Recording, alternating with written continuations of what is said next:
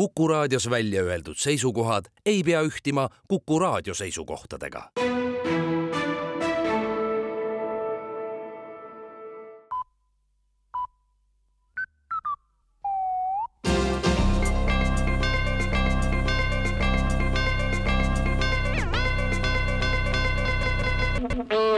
tere uudiste stuudiost, mikrofoni ees Rohke Debelak riigikogu EKRE fraktsioon annab teada, et kui fraktsiooni saadikutel keelatakse istungitel häiriva helisignaali kasutamine, siis minnakse üle häiriva lõhnasignaali kasutamisele. eile õhtul toodi EKRE fraktsiooni ruumidesse hernesuppi ja hapukapsaid ja saadikud jäid ööseks lossi, et hommikuseks istungiks valmis olla ja püüda koalitsiooni mõjutada automaksust loobuma. tegemist on siis juba heli- ja lõhnarünnakuga üheaegselt. EKRE saadikute sõnul sobib just see vanarahva kalendri ka vastlapäeva temaatikaga, aga et Riigikogu juhatus ei saaks saali õhutada, on EKRE juba mõni aeg tagasi saatnud akna alla oma agendi, kes takistab siis värske õhu pääsemist saali.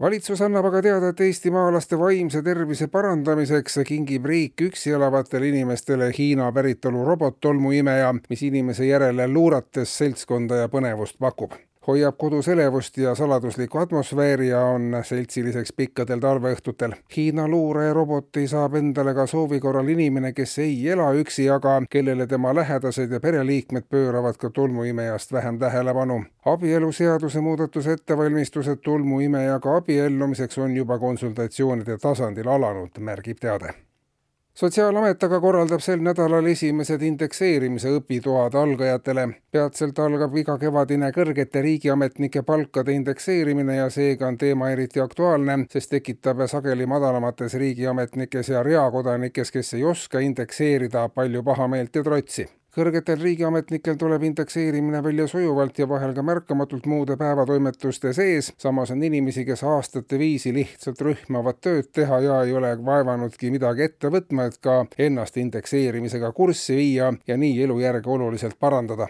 indekseerimine ei ole nõiakunst, vaid see on omandatav ja keegi ei ole indekseerima sündinud, vaid vastavad oskused tulevad harjutades. esimesel kursuse päeval õpitakse kõigepealt, kuidas igas elulises situatsioonis täielikku tuima panna ja valitsuse maksude väljatöötamise keskus annab teada, et lisaks automaksule on plaanis kehtestada ka rämpstoidu söömise maks ühekülgselt ja ebatervislikult toituvad inimesed on riigi rahakotile ja ka keskkonnale sama kahjulikud kui suure kütusekuluga autod. paljud sõidavad kütust rüüpava sõidukiga, selle asemel, et osta uus ja säästlik. veel enam on inimesi, kes söövad ainult makarone ja joovad ketšupit peale ja koormavad sellise käitumisega hiljem tervishoiusüsteemi. söömise maks peaks panema mõtlema, et ka kallimas restoranis kvaliteetset toitu süües on kokkuhoid tegelikult suurem. kõige viimasena pakutakse välja rahapuuduse maksu, sest seda puudust tuuakse kogu aeg ettekäändeks, et mitte üle minna keskkonnasäästlikule käitumisele.